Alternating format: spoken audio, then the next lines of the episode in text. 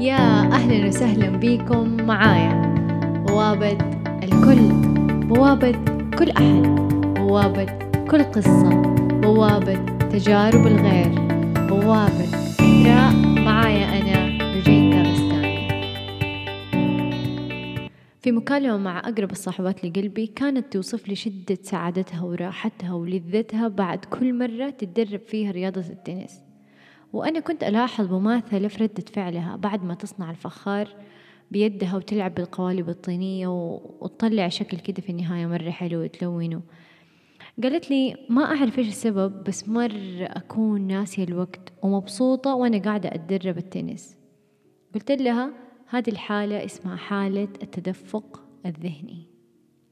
التدفق الذهني هي حالة إنسانية داخلية لها أكثر من بعد على الإنسان لها بعد نفسي ولها بعد عقلي ولها بعد روحي. تجعل هذا الإنسان متوحد مع العمل الذي يقوم به. ينسى فيها ذاته ويغرق وينغمس في عمل جذب كل انتباهه حتى أنه يكاد لا يشعر بالعالم الخارجي من حوله. والتدفق الذهني يختلف عن حالة الاستمتاع.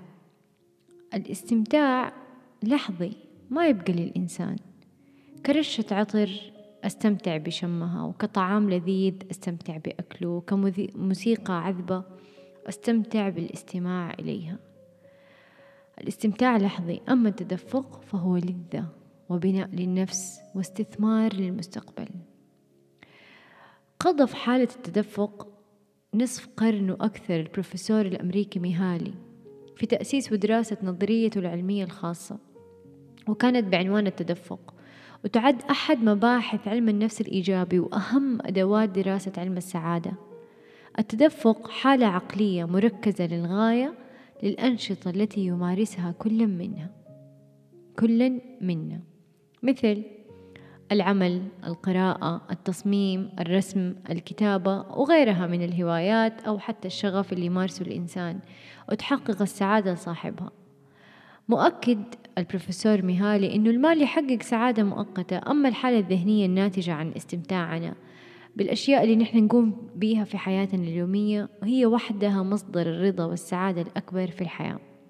يقول يستطيع الإنسان الاستمتاع بكل حركات وسكنات ولفتات جسده لكننا كثيرا ما ننسى ملكات وقدرات أجسادنا فلا نستخدمها إلا في أضيق الحدود جاعلين منها ثروة معطلة على تحقيق الإنسيابية والتدفق والمتعة العقلية. فحين نترك حواسنا دون تطوير وتحريك فإنها تعطينا معلومات مشوشة. حينها تتجه العين غير الحساسة نحو المناظر المنفرة وتنصت الإذن غير الموسيقية إلى الأصوات المزعجة ويميل الفم غير الذواق نحو تناول الأطعمة الغير صحية وهكذا عندما نترك وظائف الجسم دون استخدام فإنها تضمر وتصبح حياتنا مملة وغير ممتعة. العقل هو مصدر ما نشعر به من متعة ناتجة عن معلومات تشحذ قدراتنا الفكرية أكثر من مهاراتنا الحسية. ويقول مهالي كما يؤدي إعمال القدرات الجسدية إلى لذة عقلية يؤدي إعمال العقل لإحداث لذة من نوع خاص ومختلف. إذ يتمتع بعض البشر بقدرة على تفسير النوت الموسيقية بشكل يجعلهم لا يحتاجون إلى سماع المقطوعة حين تعزف.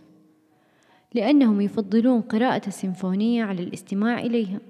فهناك ثمة نغمات تتراقص داخل عقولهم وتشكل صورا في مخيلاتهم تغنيهم عن الاستماع وهو ما يعده علم النفس متعة عقلية من الدرجة الأولى. وعشان نفهم أكثر اللذة العقلية إنها ما هي حالة من السكون والاسترخاء لا. اللذة العقلية تأتي نتيجة جهد بدني ونشاط ذهني. إذا توفر عندك الجهد البدني اللي أنت قاعد تسويه أو النشاط الذهني اللي جالس يصير في دماغك اللي يجي من تحقيق غاية صعبة المنال في الشيء اللي أنت قاعد تسويه أو التحدي اللي أنت بتواجهه في الشغف هذا اللي أنت قاعد تتمكن منه هنا أنت بتحصل على اللذة العقلية. يعني هو إحساس نصنعه برغبتنا وحريتنا. زي لما يجهز الطباخ مكونات ومقادير الطبخة بيده. ويرتبها بطريقته الخاصة ويضيف المكونات ويتلذذ باللي هو قاعد يسويه. ما يختلف إحساسه عن الرسام اللي يدمج الألوان ببعضها ويشعر بانغماس. وما يختلف برضو عن إحساس المصمم وهو يختار تنسيق الأثاث على, على قدر حجم الغرفة المتناسقة ببعضها. أو لما يلعب الطفل ويركب المكعبات وتطيح ويرجع تاني الانغماس اللي هو فيه ما هو مكترث بالوقت ولا بكثرة القطع الموجودة عنده كلها تنتج لذة عقلية وهي تختلف من شخص لآخر بسبب اختلاف الميول والمشاعر والمهام اللي قاعدة تتسوى. وأنا أقول لك متع عقلك بالتدفق. اسمح لنفسك أن تدخل في تجارب فريدة تلمس أعماق روحك ونفسك. امنح نفسك من خلال التدفق شعور أكبر من أي مكافأة. شعور لا يقدر بثمن. شعور الانسياب المغمور بالحياة. وحينها يصبح طعم الحياة مكثف داخلك. هذا الشعور هو ما يجعلك تشعر أن لك قيمة على الأرض. لأنك من خلال التدفق أنت جالس تنمي نفسك وجالس تنمي الأرض اللي أنت عايش عليها. من خلال الخدمة اللي جالس أنت تقدمها والإضافة الحلوة المثرية اللي جالس تضيفها على هذه الأرض. ودمت بكل الخير.